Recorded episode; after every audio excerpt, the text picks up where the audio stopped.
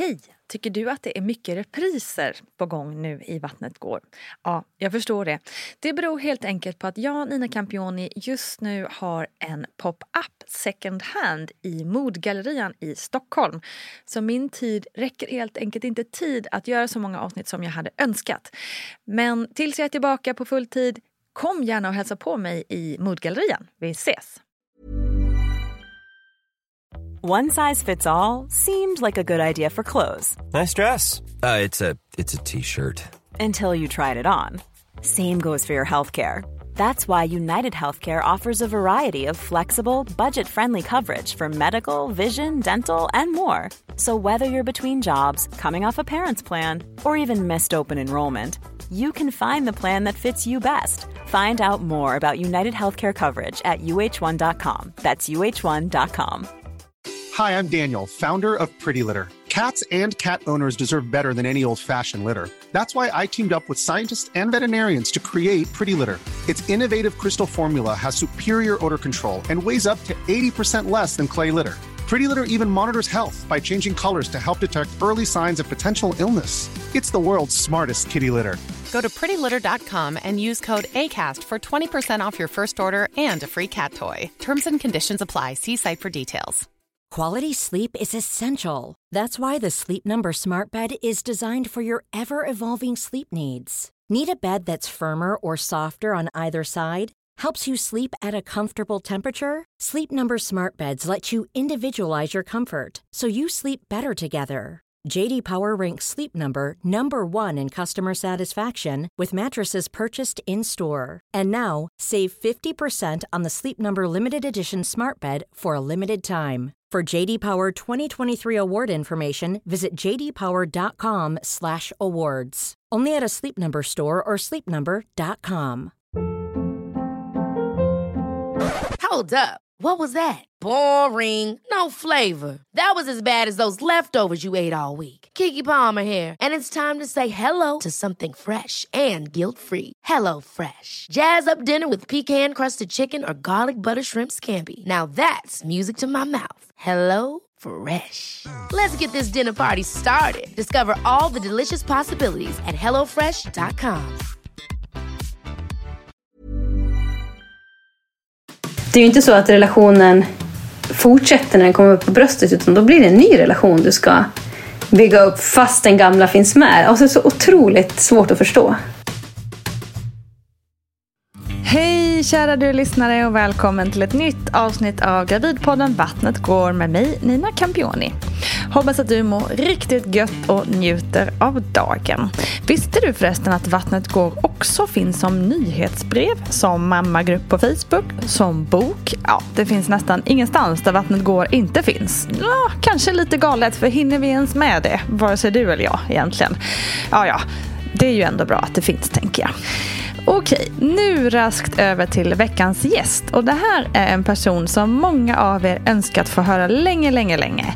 Och jag är så glad att hon är med oss här idag. Hela vägen från Östersund, Anna Haag. Längdskidåkare med medaljer i både OS och VM på sin meritlista. Och efter den här intervjun så var jag tvungen att eh, youtuba ett gäng härliga lopp och ja, gråta lite. PGA kan ju verkligen inte motstå dessa otroliga prestationer. Men det är inte det vi ska prata om nu utan om Annas graviditet och förlossning och hur funkar det egentligen mentalt för en elitidrottskvinna när kroppen inte riktigt gör som man själv bestämt. Och med oss har vi också som vanligt barnmorskan Gudrun Abascal. Här kommer Anna Haag. Du är gravid igen! Ja! Grattis! Tack så mycket! Vad roligt! Ja. Hur mår du? Nu mår jag bra, men eh, det har varit eh, en tuff, mycket tuffare graviditet det här än den första och jag tror det har att göra med att eh, man har en ettåring som ska underhållas och man har inte det utrymmet att bara lägga sig och vila när det krävs. Nej. Så det, det. det, har varit den största skillnaden och att jag under hösten var både liksom mammaledig med ettåringen samtidigt som jag jobbar. Så jag var inte mammaledig. Och att jag tränar mycket. Nej, så jag gick in i den här ja. graviditeten ganska sliten. Och det, det är inte att rekommendera tror jag. Nej, för jag skulle säga det, om man följer dig på till exempel Instagram, så du är ju, ja men dels är du ju liksom en elitidrottskvinna så, men du är ju väldigt aktiv.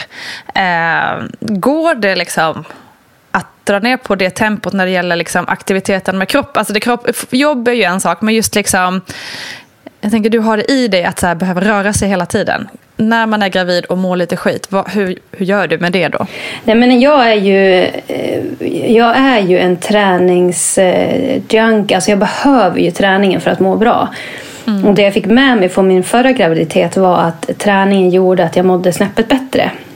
Mm. Det som är är att när man mår så där dåligt som jag också gjorde de här första veckorna. Också var, det som var nytt den här graviditeten var att jag också blev väldigt låg. Så nära deprimerad man kan bli. Okay. Ehm, så kände jag liksom att ja, men jag behöver träningen. Men jag fick ju använda all min den här eh, det som jag använt när jag tävlat för den energin och drivkraften att få till träningen för att det sen skulle ge mig lite välmående lite senare. Mm. Mm. Eh, men utmaningen för mig är ju att eh, liksom dra ner på förväntningarna kring träningen. Att göra det liksom, vad är syftet? Varför tränar jag nu? Jo, men det är ju för mitt välmående, inte för att bli bättre. Liksom.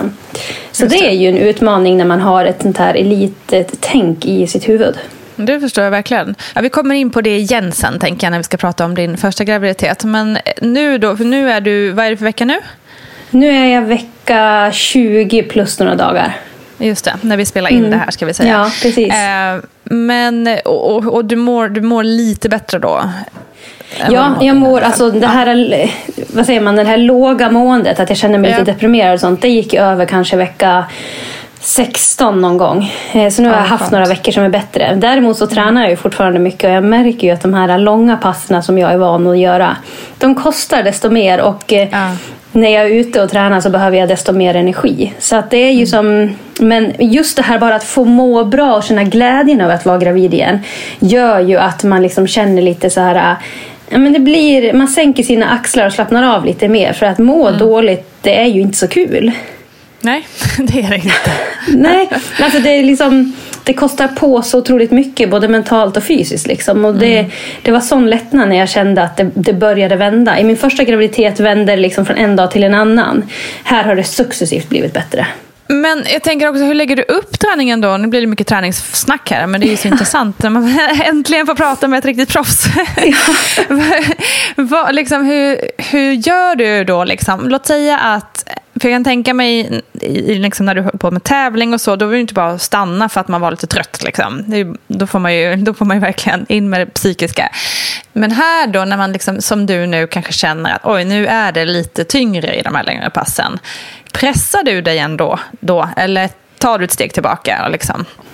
Jag har ju väldigt bra koll på mina gränser. Ja. Ehm, och det som jag har varit noga med både min första och min andra graviditet nu är att inte gå över i den röda zonen, det vill säga där man producerar mjölksyra, man, liksom, man kör skiten ur sig rent sagt. Dit går jag inte. Nej. Däremot så tränar jag väldigt mycket på den här gränsen där det är jobbigt men man pushar sig inte för mycket. Mm. Och Ja, det som är fantastiskt när man är gravid är att kroppen är väldigt tydlig med sina signaler, vad som är fine och inte. Och låter man bara det styra så är det ganska lätt att anpassa sin träning efter det. Och jag tycker det är häftigt som kommer från att ha varit elit där träningsplaneringen har varit det viktigaste. Eh, man kanske inte alltid har lyssnat på kroppen till att träna med en, en graviditet och känna liksom att men här har jag inget val, här är det kroppen som styr. Mm. Så det tycker jag är väldigt, väldigt spännande och då, då justerar man ju liksom eftersom. Men jag vet också vilka signaler som är fine att fortsätta med och vilka signaler som är liksom stoppskylt. Liksom. Mm. Har det på något sätt varit jobbigt? Liksom? Jag tänker just i och med att du är van vid att kunna styra din kropp och alla liksom, muskler och leder och sånt ska fungera på ett visst sätt. Och sen kommer man till en graviditet där man ju inte kan styra över det. Man kan inte styra ifall man mår illa eller foglossning eller vad det nu än kan vara. Eller plötsligt så, eh, från en dag till en annan så har man ont någonstans. Liksom. Ja. Hur har det varit liksom, mentalt, det här med att inte kan styra kroppen på så vis? Jag tycker att det har varit lite av en befrielse att liksom stoppa huvudet åt sidan och låta kroppen styra. Eh, det som är utmaningen för mig är att jag fortfarande har en, en ambition och en motivation med min träning. Jag vet vad jag vill göra, jag har en planering vad jag vill få till. Och att de dagarna då när kroppen inte är med på noterna, eh, kunna stryka det och ändå liksom ta tag i dagen med glädje.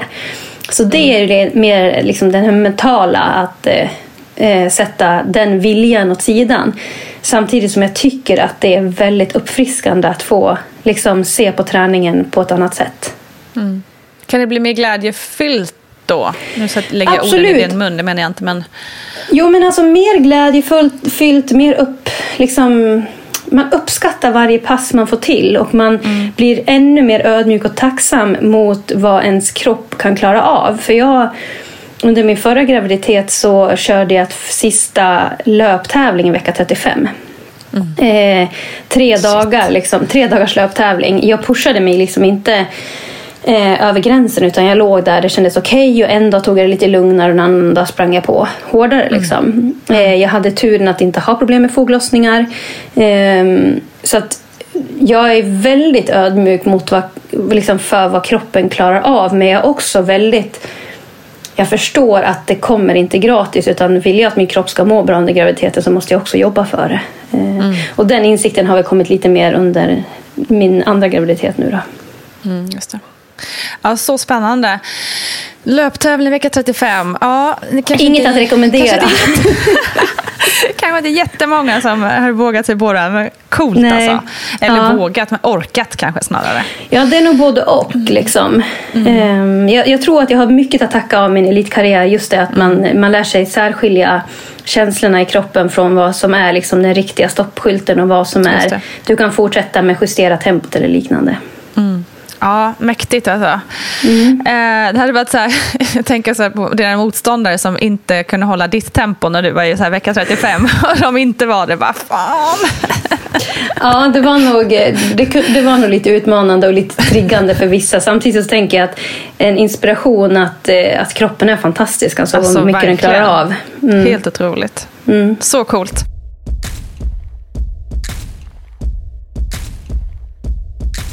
Men du, om vi återgår då till eh, syskon och liksom det här med planering av en, liksom en familj. Nu, hur, hur lång tid blir det mellan eh, barnen nu då? Ett år och nio månader om allt går bra. Ehm, och med Harry, vår son som idag är ett år och fyra eh, månader idag. Eller om det är fem månader. Gud, jag tänker, ja. Ehm, så gick det ganska fort när vi väl bestämde oss för att vi, vi ville ha barn. Ehm, Men med det här nummer två så gick det liksom inte lika fort. Och, eh, Okej. det är ju ändå väldigt nära dem i ålder men mellan Emil och hans syster så är det ett år drygt. Eh, Ah, okej. Min man då. Och jag, mellan mig och min syster är det precis två år. Så vi har alltid haft liksom den här drömmen om att ha syskon som verkligen får växa upp nära varandra i, i ålder. Just det. Så att vi var väldigt, väldigt glada när vi, när vi plussade på stickan. Förstår det. Så Och härligt. mycket, mycket mer tacksam denna gång för att eh, det är så många eh, runt omkring mig som, liksom, som sliter med. Alltså, viljan finns där att vilja få barn med kroppen. Eh, liksom samarbetar inte och det är missfall och det blir inte graviditeter. Och, så att det var liksom så här... um, Man är, jag var glad att jag var så naiv med första graviditeten. Och eh, med den andra så var det... Både jag och min man var väldigt så här... Åh, det funkade en gång till liksom. Och första eh, ultraljudet och se att det var fem fingrar och fem tår och saker och ting som funkar. Eh, mycket, mycket mer ödmjuk denna gång. Hur gammal är du nu? Eh, jag är 34. Ja.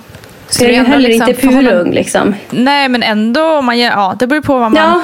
Vi- liksom, var man bor nästan. eh, Ja, när man räknar på det precis. där. Ja. Ja, bor man på landet eller i norra delen av Sverige så är jag väl i det äldre kategorin ändå om jag inte är gammal. Men skulle jag bo i Stockholm så är jag nog kanske mer normal Mm. liksom standardålder för, för Exakt. första, andra barn. Liksom. Ja, precis. Jag tänkte, apropå eh, ultraljud och sådär, hur har det funkat eh, där ni har varit? Har din man fått följa med eller hur har det varit nu under pandemin? Nej, utan jag har fått gå själv. Eh, och det sa också min man att gud vad glad jag är att vi har, vi har vår son, att jag fått vara med på hela resan eh, en gång. Ehm, Så att jag liksom inte hade missat det. För jag minns hur fantastiskt det var första gången. Och nu vet man lite mer alla procedurer och nu är man mer så här, åh, det var bra den här gången också. Liksom. Exakt. Däremot så tror jag att när vi kommer gå till eh, MVC och träffa barnmorskan att då får han följa med för då går vi på en privat eh, klinik. Ja, okej. Ja. Mm. ja, vad bra.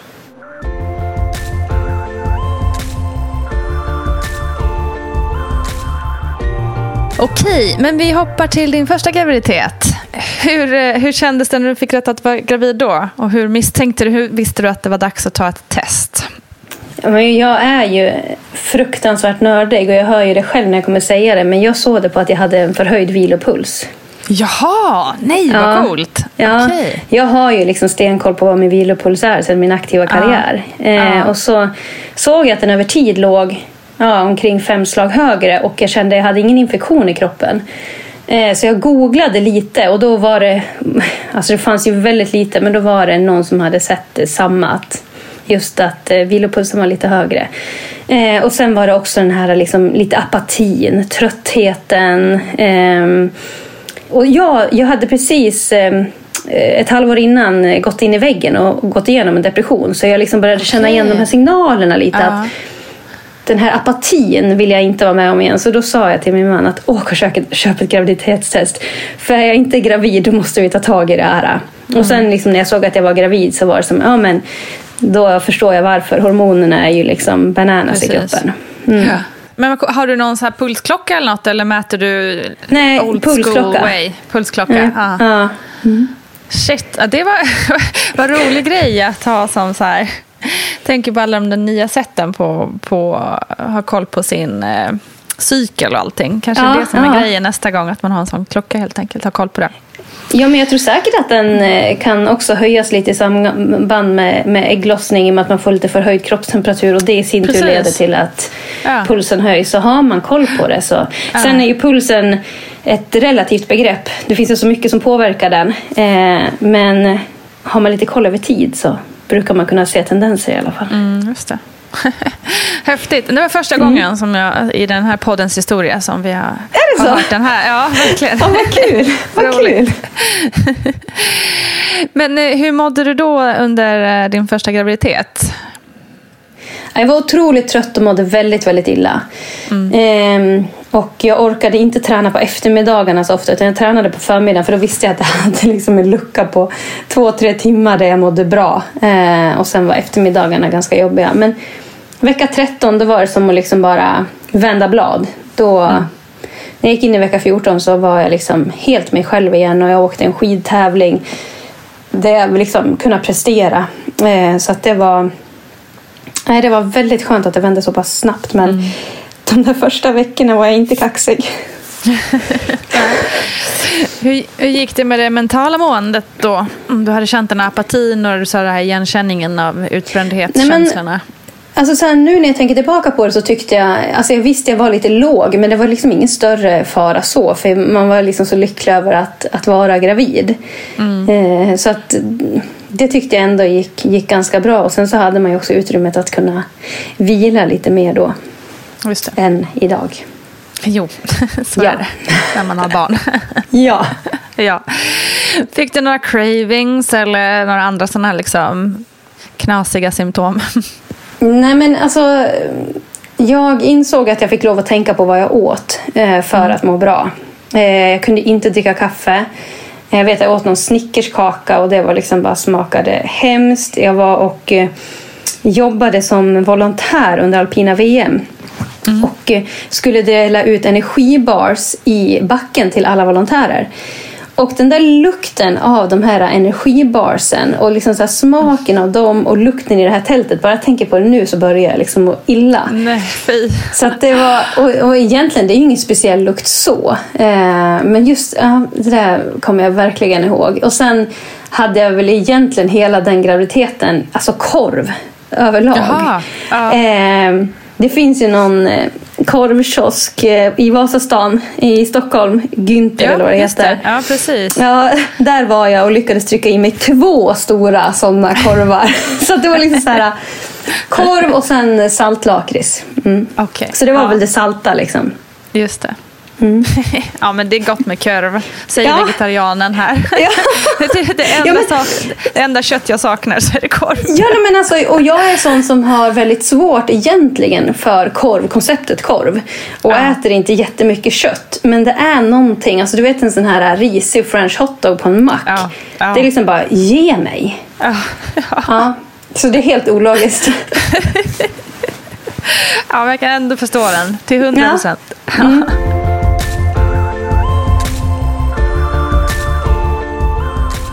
Hur gick dina tankar kring förlossningen? Hur förberedde du dig inför det? Liksom?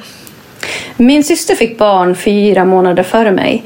Och ehm, liksom genomgick hela förlossningsarbetet och liksom precis i det sista så inser man att det här går inte. Eh, vi måste göra kejsarsnitt. Eh, och hela den upplevelsen för henne var rätt traumatisk. Eh, det var Ja, men det blev inte som hon hade tänkt och hon missade de första timmarna med sitt barn för att hon låg på uppvaket och ja, massa sådana där saker som, ja, men som har satt spår i henne. Ehm, och det där pratade vi en del om och eh, jag liksom såg att eh, min syster inte mådde bra av det. Så jag var liksom hela tiden inställd på att vara väldigt open-minded på förlossningen. Att eh, vi får se vad som händer. Visst att jag vill föda vaginalt men eh, jag kommer liksom lägga mig i händerna på, på de som är där. Eh, och jag bestämde mig också tidigt att jag vill ta de hjälpmedel man kan eh, med bedövning och epidural och ja, lustgas och det som finns. Ehm, och sen så tänkte jag också att människor har gjort det här världen över i så många år så varför ska inte jag klara det? Eh, så lite den inställningen hade jag också. Men jag var inte, jag var inte särskilt nervös utan mer bara hoppades att det skulle gå bra. Liksom. Du hade liksom ingen så här elitidrottstänk när jag tänker på, så här på liksom, det låter ju inte som att du hade det, men jag tänker målsättning eller eh, ja, ingen sån. För jag tänker ni i Ja. träningsmode och tävlingsmode så är det ju väldigt uppstyrda liksom. Men här Ja. släppte du lite. Eller? Ja, men jag försökte tänka så, men jag kunde liksom inte hitta den motivationen där och då. Utan det var mer bara att jag vill föda ett friskt barn. En liten Ja. målbild att få, få barnet på, på bröstet och se att allting funkar. Eh, och sen också lite att bara klara varje, eh, liksom varje stund under förlossningen på så bra sätt som möjligt. Jag tänker när ni tränar, har ni, för det är mycket så här fokus på andning och sånt under en förlossning. Har ni det även i så längdskidåks liksom, Nej, träning? Nej, alltså alldeles för lite skulle jag säga. Ehm, Efter att ha gått igenom en förlossning så inser man hur viktig andningen är. Ehm, men vi var med på en sån profylaxkurs på, liksom, i mammagruppen. Eh, I och med att det här var pre-corona så kunde man gå på en sån. Eh, och det tyckte jag hjälpte. Eh, men sen... Eh, nej, jag hade liksom, jag har kört lite yoga och sånt så jag har väl lite med mig. Men det var just i själva förlossningen som man insåg vikten av det skulle jag säga.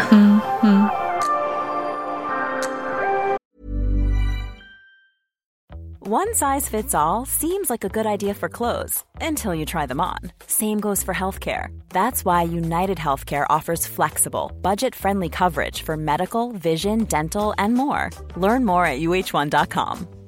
Quality sleep is essential. That's why the Sleep Number Smart Bed is designed for your ever evolving sleep needs. Need a bed that's firmer or softer on either side? Helps you sleep at a comfortable temperature? Sleep Number Smart Beds let you individualize your comfort so you sleep better together. JD Power ranks Sleep Number number 1 in customer satisfaction with mattresses purchased in-store. And now, save 50% on the Sleep Number limited edition Smart Bed for a limited time. For JD Power 2023 award information, visit jdpower.com/awards. Only at a Sleep Number store or sleepnumber.com. Planning for your next trip? Elevate your travel style with Quince. Quince has all the jet setting essentials you'll want for your next getaway, like European linen, premium luggage options, buttery soft Italian leather bags, and so much more. And is all priced at 50 to 80% less than similar brands. Plus, Quince only works with factories that use safe and ethical manufacturing practices. Pack your bags with high-quality essentials you'll be wearing for vacations to come with Quince. Go to quince.com slash pack for free shipping and 365-day returns. Life is full of awesome what ifs, and some not so much, like unexpected medical costs. That's why United Healthcare provides Health Protector Guard fixed indemnity insurance plans to supplement your primary plan and help manage out of pocket costs. Learn more at uh1.com. Hey, Dave. Yeah, Randy. Since we founded Bombus, we've always said our socks, underwear, and t shirts are super soft. Any new ideas? Maybe sublimely soft. Or disgustingly cozy? Wait, what? I got it. Bombus. Absurdly comfortable essentials for yourself And for those facing homelessness. because one purchased equals one donated. Wow, did we just write an ad? Yes. Bombas. Big comfort for everyone. Go to bombas.com slash ACAST and use code ACAST for 20% off your first purchase.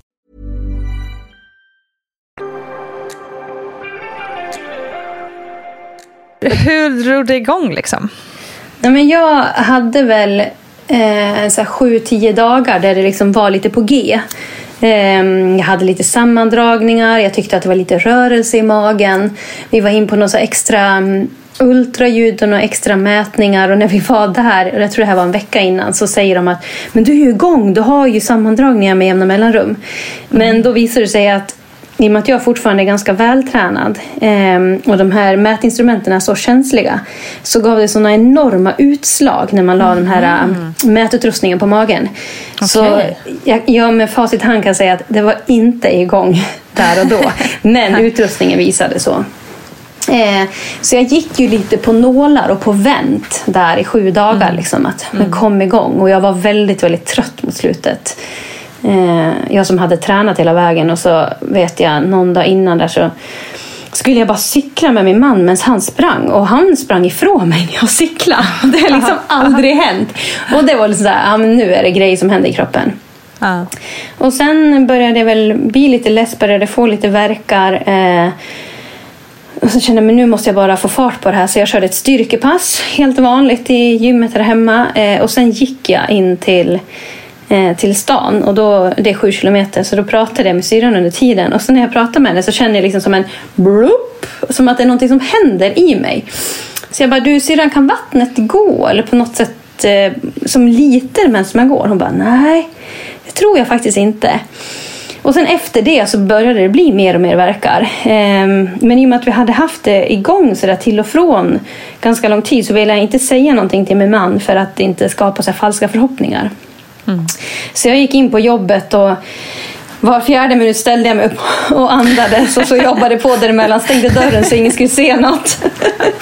och sen så gick jag ut eh, och åt lunch med en kompis och det var liksom, jag, gud, jag minns inte ens vad jag åt för jag liksom skulle bara andas igenom det där som var. gud. Eh, och det här var liksom ja, lunchtid och sen gick jag ner på kontoret igen som ligger bara 100 meter från där vi åt lunch och så sa jag till min man att du, jag tror att jag kan börja få verkar.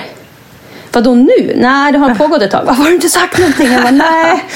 Jag vill alltså inte stressa igång det. Så började han klocka mig och vi såg. Ja, men det börjar ju bli ganska regelbundet nu. Men som tur var så hade vi så här mammagrupps, eh, eller föräldragruppsmöte på vårdcentralen som också liksom är i centrum. Så vi, vi gick dit eh, och så sa vi bara att eh, jag tror att det kan ha dragit igång. Så då kollade de mig lite och märkte att ja, men barnet låg bra och så. Eh, Så gick vi ner på mammagruppen för vi kände att det var ingen idé att åka hem för det är liksom en mil att åka i bilen. Ja. Och så kommer vi ner, då har de börjat mötet. Och så står barnmorskan och så barnsköterskan där. Och så säger någonting bara, och när vattnet går, och då går mitt vatten bara där och då på föräldragruppen. Jo. Så jag bara, gud. vattnet går!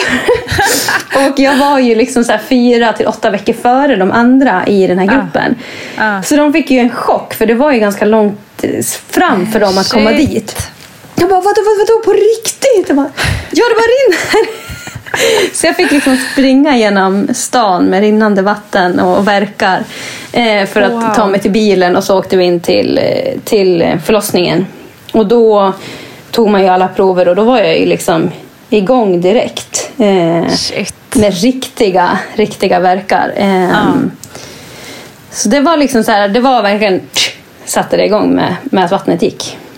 Det var lite... Det, det här är nog första gången också som man hör att det faktiskt vara sådär som på film. Ja. När det liksom, också Ja. att man är i en situation som är lite så ovanlig och så går vattnet och så bara motlossning direkt. Men alltså, och det kändes så jäkla komiskt. Det kändes så typiskt mig att det skulle gå där och då. Liksom som bara, jag bjuder på allt. Här är jag liksom. Ehm, nej, och sen så åkte vi in på förlossningen och så tog de lite prover och så liksom la de in oss direkt. Och då hade jag såna rejäla värkar så jag fick lägga mig i badet. Ehm, Okej. Vilket var väldigt skönt. Ehm, Men eh, det som var var att eh, hon som tog emot mig där, hon sa Ja, men det du ska komma ihåg det är att eh, du har längre vila än arbete i alla fall. Så det är korta intervaller. Och då tänkte jag, ja men det kan jag ju härda ut. Korta intervaller och lång vila, det är liksom, då hinner man återhämta sig. Men jag hade kopplade verkar.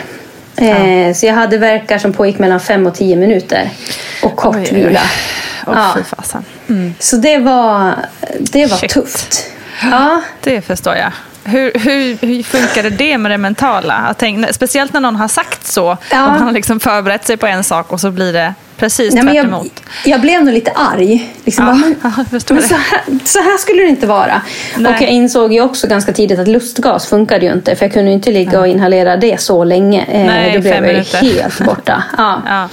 Vad innebär egentligen kopplade verkar? Anna berättade att hon hade väldigt långa verkar, mellan 5 till 6 minuter och med väldigt kort vila däremellan.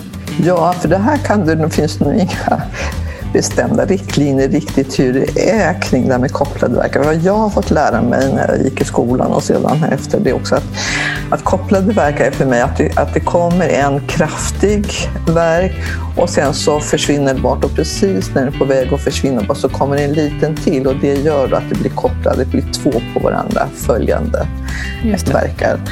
Eh, Så på det viset. Och ofta tycker jag, min erfarenhet säger att ja, jag har varit med om det kanske oftast när det är i början av förlossningsarbetet, så att säga, innan det riktigt har kommit igång och kroppen har hittat den här rytmen och så vidare.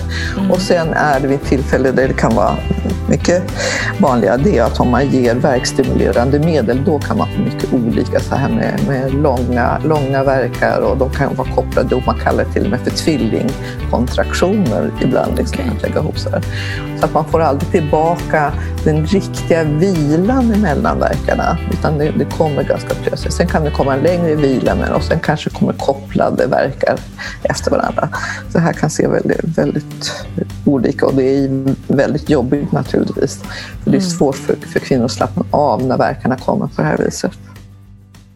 Ehm, och sen så blev det en ganska dramatisk förlossning. Alltså man själv är ju som lite i en, så här, någon form av dimma. Men ehm, Harrys, eh, vår son, då, hans eh, puls och hjärtslag gick ner hela tiden. Eh, så de, jag fick liksom upp och ställa mig och gå. Eh, och så, då kommer de springande efter för då försvann de helt. Och så skulle jag ändra position och jag öppnades inte som man skulle. Eh, liksom så mycket som eh, de ville. Så att det var... Det och jag märkte inte så mycket men, men min man han ju bli ganska orolig. Han tyckte liksom varför är de inte inne i rummet hela tiden och hjälper oss? Och så insåg han ju att de hade ju en monitor där de såg liksom och kom in när det behövdes. Men vi kom in vid eh, halv fem och jag tror han föddes halv fem morgonen dagen efter. Okej. Så det var, det var en ganska lång eh, Ja. Förlossning liksom. Ja. Med aktivt arbete var det. Ja, verkligen. Mm. Kontinuerligt stöd pratar vi ofta om, du och jag. Eh, varför är det så viktigt? Och hur ska vi få regionerna att lyssna till vår vädjan om det här? Ja, om, som vi pratar om så ja, kontinuerligt stöd från en barnmorska. Så man ska bli formell ska man säga så att det finns, det finns en av där studierna verkligen pekar 100% åt samma håll. Att har, har kvinnan ett kontinuerligt stöd av en barnmorska under hela förlossningen så blir det en bättre upplevelse. Kvinnan behöver mindre smärtlindring och eh, det blir mera normala födslar av det, mindre komplikationer. Så att, och det här kan ingen, det finns ingen som kan göra, bevisa motsatsen på det, så det är jätteviktigt.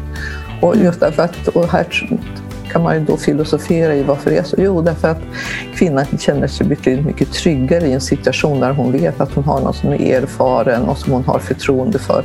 Och då kommer de här stresshormonerna inte bli involverade i själva förlossningen och på det sättet. Så blir det, så att det här är ju verkligen någonting som vi ska satsa på mm. och som jag tycker att vi är väldigt dåliga på här i Sverige. Så. Verkligen. Ja. Och, ja, och varför regionerna då inte lyssnar på det? kostar pengar. Mm. Tyvärr så är det så att mycket hamnar man i det här att det, att det kostar mer på kortsiktigt tid så att säga. Därför att då måste det vara flera barnmorskor. Sen att, man, att det blir en stor vinst därför att även ekonomiskt tänker jag eftersom det blir mindre komplikationer, mindre kejsarsnitt, mindre sugklockor ja, och livet för den här kvinnan också blir, känns blir betydligt bättre. Man vågar kanske skaffa nästa barn tidigare. Och, alltså det får, följderna blir så oändligt mycket bättre om man har en positiv upplevelse och mindre komplikationer när man mm. föder barn. Som en, ett kontinuerligt stöd för en barnmorska är. Precis. Finns det någonting som du tror att vi kan göra för att liksom påverka det här pengafördelningen? Ja, ja det är alltså uppväckta politikerna. Mm. Och med medialt som här, att vi tar upp det i podden, att, att flera gör det och så vidare. Att stå på sig i det här, att, att väcka den här uppmärksamheten. Så mm. det, det tror jag att det är det, det, är det enda som, som...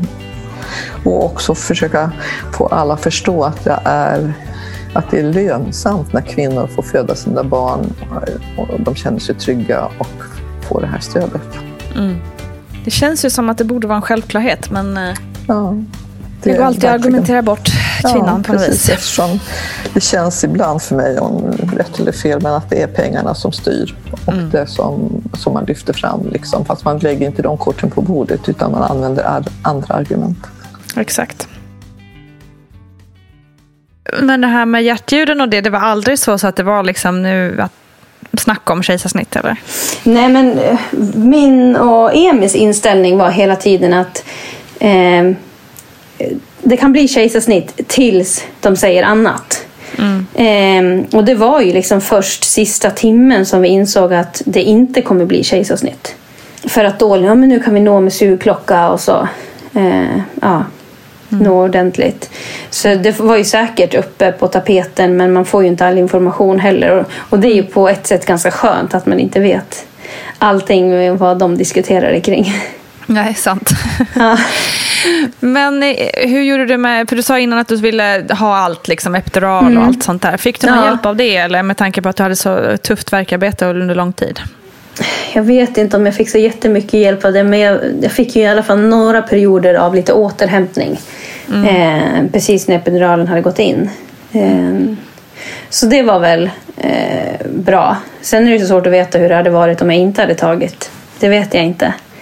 Men det är ju inte så att jag känner att vi kommande förlossning ska jag inte ta epidural. Nej, nej. Däremot så hoppas jag att man då kanske kan få lite hjälp av lustgas eh, mm. och slippa de kopplade verkarna. Det hade ju varit fantastiskt. Ja, för fanken. Ja. Det, lät, det lät tufft alltså. Ja. Herregud. Men det vet jag inte heller om jag har att skylla att eh, i och med att min kropp är så pass stark så är ja. den inte lika bra på att slappna av. Nej, eh, vilket gör att den håller emot mer. Mm. Mm. Eh, och det är väl nackdelen eh, med att vara vältränad. Eh, man mm. har ju bra uthållighet då. Mm. Men mm. Eh, det är ju någonting annat att föda barn än att springa ett maraton eller vad man nu gör. Ja men precis, det där snackas det ju om en del. Liksom, att eh, om man har fördelar av Alltså, träning absolut har man ju fördelar mm. av såklart. Det ska man ju aldrig ta bort. Liksom. Men just det att vara elittränad mm. versus bara vanligt bra tränad. Liksom. Att det kanske ja. snarare kan vara mot, motarbetande i vissa fall. Ja, jag tror framförallt under själva förlossningen. Mm. Eh, däremot tror jag att resan fram mot förlossningen och resan efter förlossningen kan vara enklare med en elittränad mm. kropp. Mm. Och då har jag resonerat så att jag väljer hellre att kämpa lite under förlossningen för att jag under längre tid ska få må bra före och efter. Liksom. Mm. Låter smart. Mm. Ja, men alltså det är ju själv hur man, hur man resonerar, hur man mår och vilket behov man har av träning också. Eh, jag har ju ett enormt behov av träning. Mm. Så då, liksom, då blir det ett aktivt val. Exakt. Men det är mm. precis, det låter ju ändå rätt rimligt att man kanske är lite snabbare på att återhämta sig och mm. komma tillbaka. På så Ja, vis. absolut. Men eh, jag tänker när det väl var så att han kom ut. Hur liksom, för jag tänker man, så liksom ett barn som har med hjärten, hjärtat upp och ner, pulsen upp och ner. Var det liksom, var han medtagen Nej. på något sätt eller? Ja, alltså han, dels så hade han ju navelsträngen kring halsen. Ja. Och det var Ja. ju det som gjorde att eh, eh, hjärtslagen liksom gick ner. Mm. Och eh, de förberedde Emil på att han skulle följa med ut liksom, Mm. för att eh, kicka igång, igång honom. Men han skrek till ganska tidigt. Däremot så Mm. såg man väldigt tydligt på hans ögon att han hade fått väldigt mycket adrenalin av mig. Jag hade så mycket adrenalin i kroppen att jag mot slutet inte kunde ligga still utan jag låg bara och skakade när jag Oh, wow. inte aktiverade mig. Ja. Och det går ju ut i blodet på eh, barnet också. Så Harrys ögon var ju liksom hur stora som helst. Okej, wow. Men annars var det ju liksom ingen, ingen fara med honom alls. Gud vad skönt. Det måste Ja, varit så skönt att höra det där skriket. Ja men alltså det var, det var en sån lättnad och jag tror speciellt för min man som hade liksom förstått vad det var som pågick. Eh, som inte jag hade alls på samma sätt.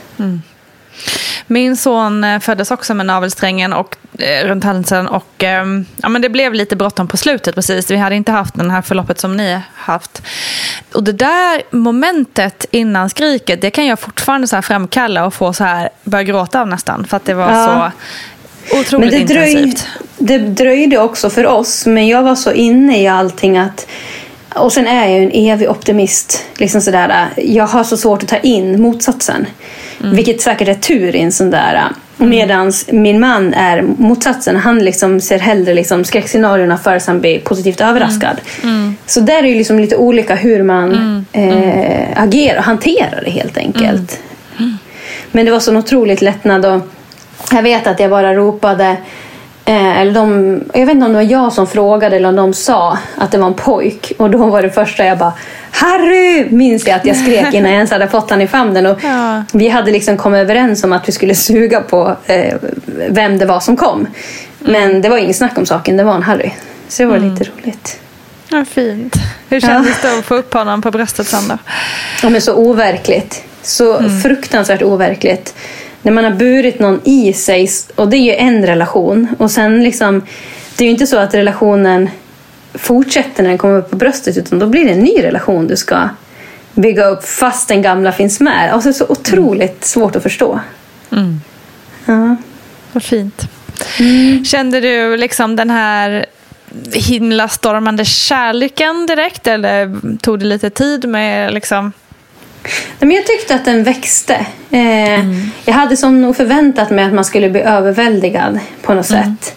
Så det är som man kan bli nu bara när man ser honom. Liksom. Just det. Eh, men det var jag också lite förberedd från, eh, av syrran. Liksom, att hon sa det att det fanns liksom inte där direkt. Det har kommit successivt mer och mer. Så stressa inte Anna, den kommer.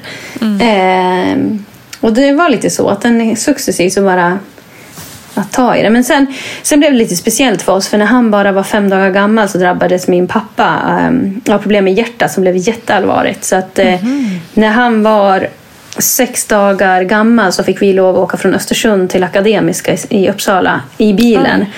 Oj. Eh, för att vaka över pappa. Så det var liksom också att man eh, så med, i efterhand inser att man sköt ju lite alla känslor. Man skyddade sig själv lite. Nu gick det jättebra men det var ju en otroligt speciell tid. Och de första två eller tre veckorna så var inte vi hemma i Östersund utan då var vi ehm, eh, på sjukhuset i Uppsala då, eller i vår, vårt lilla krypin i Stockholm. Så det gjorde ju att den här första perioden blev väldigt, väldigt speciell. Det förstår jag. Mm. Då har man ju verkligen inte den här tiden som, som man eh, pratade om väldigt mycket innan också. Att man ska ha hemma och bara vara i bubblan och Ja, bara nej, liksom nej, den, hitta den försvann varandra. ju liksom helt för att man hade den här oron eh, Mm. över sig. Liksom. Och det, det sjuka var att jag hade haft någon sån här känsla sedan jag var liten att eh, morfar kommer inte träffa sitt barnbarn. Eh, och så när det där hände så blev det liksom så här, nej men det här får inte ske. Eh, så det blev ja, väldigt mycket Väldigt, väldigt mycket känslor eh, som var svåra att hantera. Och sen är man ju otroligt man är ju så öppen när man precis har fått barn. man är så otroligt skör eh, och så mottaglig för alla känslor och kan inte riktigt hantera dem heller. Eh, så det var svårt liksom att veta, ska jag vara orolig och ledsen över pappa eller ska jag vara glad över mitt barn? Och så när, när det gick bra med pappa, ska jag vara eh, gladast för det eller ska jag fokusera Just på mitt barn? Ja, exakt. Väldigt Ja. liksom så här, ja, speciellt. Mycket Och den där gång. bebisbubblan bara... Ja. Det blev ju, men det blev ju vår form av bebisbubbla ska man också Mm, säga. Vi, vi, jag fick ju dela den med eh, min familj. Eh, Mm. liksom, det var ju ganska fantastiskt det också att Mm. få ha... För vi, vi som vakade över pappa, mina syskon och mamma med oss respektive, vi liksom fick ju en fantastisk vecka liksom, där man bara var i nuet. Man vågade ju inte Ja. ens tänka på nästa dag. Nej. Eh, så vi brukar säga det så här efteråt. Bara synd pappa att du missade det där. Vi hade några fantastiska dagar där i Uppsala. Just det. Ja. Ja, det är inte så ofta man får vara tillsammans på det viset såklart. Nej, Eh, nej, verkligen inte. Och när det gick bra också så kan man se det Ja, men då kan man se det på det sättet. Mm, Eh, absolut. Det hade ju liksom... Eh, utgången hade mest, eller igen, egentligen skulle utgången ha varit en annan. Vi hade tur att det gick så bra. Mm, Eh, så då blir man ännu mer tacksam över det. Du, och när du ser tillbaka på din förlossning idag, hur känner du då? Eh, men som att det var något fantastiskt. Verkligen. Och återigen är jag ju en sån obotlig optimist så jag minns ju mest det fantastiska. Mina så här hallon och lakritsdödskallar som jag tryckte under hela förlossningen. Och en, så här päron och apelsinfestis. Jag liksom ser fram emot att få ha det med nästa gång också. Och sen tyckte jag att personalen var så fantastisk. Tydligen hade det fötts rekordmånga barn den natten. Eh, Och vi, vi märkte inte ens det. Ehm, Så nu är jag faktiskt så här att, eh, för nu är ju datum planerat mitt i sommaren. Ehm, Jämtland under sommaren är inte jättetrevligt så jag känner lite så här om man skulle vilja varit någon annanstans. Eh, Men jag vill föda i Östersund Eh, så att eh, det är här jag kommer vara. Härligt. Mm. Shoutout till Östersunds förlossningsavdelning. Ja, verkligen. Eh, Det var, kände, vi kände oss så väl omhändertagna. Så som det ska vara. Ja. Du, har du några, något råd eller något tips till lyssnarna kring vad som helst egentligen, men kanske som kretsar kring dina tankar kring förlossning och graviditet? Men jag tror att man, man lär sig med en graviditet och en förlossning att man kan inte styra över allting. Och att liksom bara acceptera det. Ehm, Men sen kan man skapa förutsättningar för att det, det ska bli åt det ena och det andra hållet. Och att ta hand om sig själv under en, en graviditet gör ju att tiden efter förlossningen blir lite lättare att hantera. För det är inte... Man har ont ofta efter en förlossning oavsett om det är kejsarsnitt eller vaginalt. Och det är liksom... Har man då, känner man sig då ganska stark i sin kropp så eh, enligt mitt mindset då, så blir det lättare att hantera och kanske att man klarar av att komma ut på den där promenaden ganska relativt snart efter förlossningen vilket gör att man kan få de här endorfinerna från att komma ut. Ehm, att prioritera sitt eget må- må- mående på ett sätt och se till vad är det jag mår bra av och försöka liksom få in det. Det är viktigt för att kunna vara liksom närvarande och också för att vara det bästa för sitt barn också. Ja, absolut. Absolut. Jag är bara nyfiken också på, nu är du gravid igen, men jag tänker liksom när du har fått två barn kanske och känner att du är nöjd, om det nu blir det, det vet vi inte nu. Eh, vad, har, vad har du för tankar med din träning framåt? Har du några tävlings, tävlingsinstinkter kvar, höll jag på att säga. Det har du ju garanterat, men Ja, jo, men jag mål? har ju ganska... Jag har ju tävlingsjäveln kvar och jag känner Ja. att den behöver sin dos. Ja. Ehm, sen så får vi se liksom... Jag älskar att åka skidor. Eh, Jag Mm. älskar att göra utmaningar som är längre. Så målet med träningen framöver är att liksom ha en så pass stark kropp att vilken utmaningen som kommer i min väg så ska jag vara redo att anta den. Sen kommer jag aldrig någonsin prioritera bort saker jag idag har lagt till sen jag mm, slutade vara elit. Utan livet är viktigt, jag vet vad jag vill få in i det och så är träningen en addering till det. Spännande. Det är mm. alltid kul att följa dig oavsett vad det blir. Tack så mycket och lycka till nu med graviditet och nästa förlossning också. Tack så mycket. Tusen tack Anna Haag, så intressant att prata med dig. Och hur mäktigt att köra en löptävling i vecka 35. Alltså mamma mia, då låg jag på soffan och åt glass kan jag säga. Jag tänkte också tipsa om att Anna har skrivit en bok tillsammans med sin man Emil Jönsson Haag som heter Leva, njut, träna. Vår filosofi för en hållbar livsstil. Kan ju vara ett toppentips så här på vårkanten. Missa nu inte mammagruppen på Facebook och Vattnet går på Insta också. Om några veckor får ni höra mer från Anna Haag även i Barnet går. Vi hörs snart. Kram alla ni som lyssnat.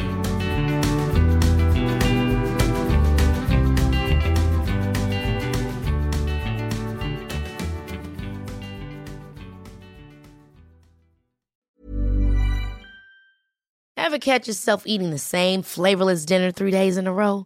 Dreaming of something better? Well, HelloFresh is your guilt-free dream come true, baby. It's me, Gigi Palmer. Let's wake up those taste buds with hot, juicy pecan-crusted chicken or garlic butter shrimp scampi.